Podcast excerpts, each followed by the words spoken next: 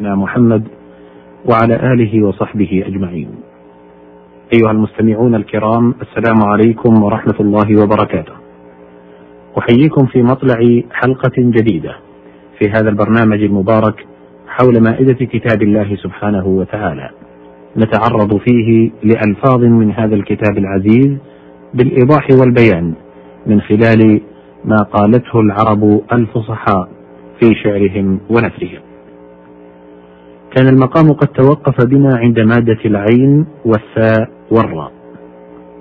قوله تعالى في سورة المائدة: فإن عثر أي اطلع يقال عثرت على فلان أي اطلعت عليه. قال تعالى: وكذلك أعثرنا عليهم أي أطلعنا الناس عليهم ليتعظوا بهم.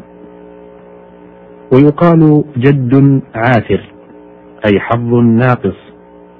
قال عمرو بن الحارث كأن لم يكن بين الحجون إلى الصفا أنيس ولم يسمر بمكة سامر.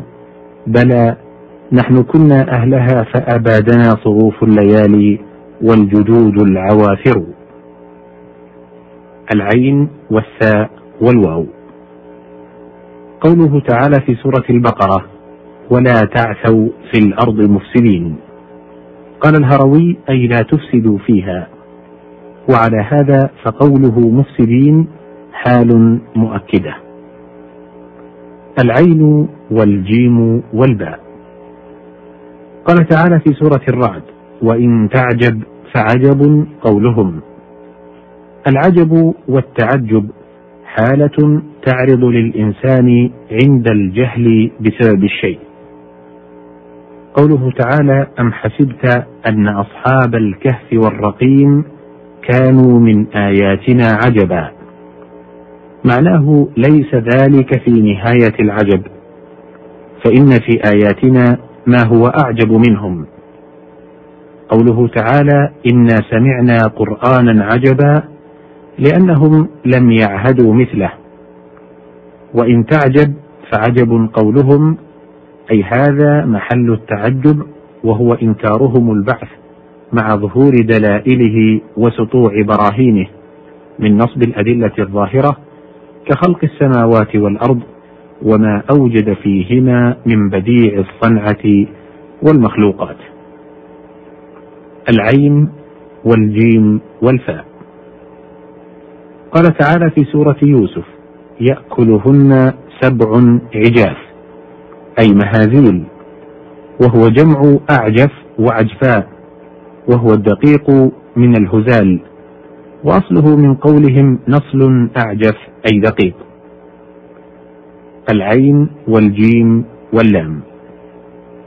قال تعالى في سورة الأعراف أعجلتم أمر ربكم أي سبقتموه وهو كقوله وما أعجلك عن قومك أي كيف سبقتهم؟ يقال أعجلني فعجلت له واستعجلته تقدمته فحملته على العجلة. وأصل العجلة طلب الشيء وتحريه قبل أوانه وهو مقتضى الشهوة. فلذلك صارت مذمومة في عامة القرآن حتى قيل العجلة من الشيطان. وقوله وعجلت إليك رب لترضى أي مما خص من الذم فإنها وإن كانت عجلة لكنها محمودة إذ المقصود بها رضا ربه. وللراغب هنا عبارة قال فذكر أن عجلته وإن كانت مذمومة فالذي دعا إليها أمر محمود وهو رضا الله. وقوله تعالى خلق الإنسان من عجل تنبيها أن طبعه العجلة بمنزلة من خلق من الشيء فكأن العجلة مادته. وأصله نبه به أنه لا يتعرى من ذلك البتة فإنها إحدى القوى التي ركب عليها. وقد قال بعضهم العجل الطين بلغة بعضهم وأنشد والنبع في الصخرة الصماء منبته والنخل ينبت بين الطين والعجل. وقوله من كان يريد العاجلة يريد الدنيا فإنها حاضرة بالنسبة إلى الآخرة. فإنها وإن كانت حق اليقين إلا أنها آجلة. وقوله عجلنا له فيها ما نشاء لمن نريد أي لم نعطه طلبته بل الذي نعجله ما نشاء لا ما يتمناه. ثم أخبر أنه ليس كل متمن أيضا يعطيه ما يشاء. العين والجيم والميم. قوله تعالى في سورة الشعراء ولو نزلناه على بعض الأعجمين الأعجم من في لسانه عجمة عربيا كان أو أعجميا. والأعجمي منسوب إلى العجم فصيحا كان أو غير فصيح. والعجمة خلاف الإبانة. والإعجام الإبهام وهو أيضا إزالة الإبهام ومنه أعجمت الكتاب أي أزلت عجمته بالنقد والضبط واستعجمت الدار بان عنها أهلها ولم يبق بها من يبين جوابا ومن ثم قيل خرجت عن بلاد تنطق كناية عن عمارتها بقطانها. وقال النابغة وقفت فيها أصيلالا أسائلها عيت جوابا وما بالربع من أحد والعجم الجيل المعروف مقابل العرب من أي جنس كان. وغلب في العرف على أبناء فارس. والعجماء البهيمة لأنها لا تبين عن نفسها.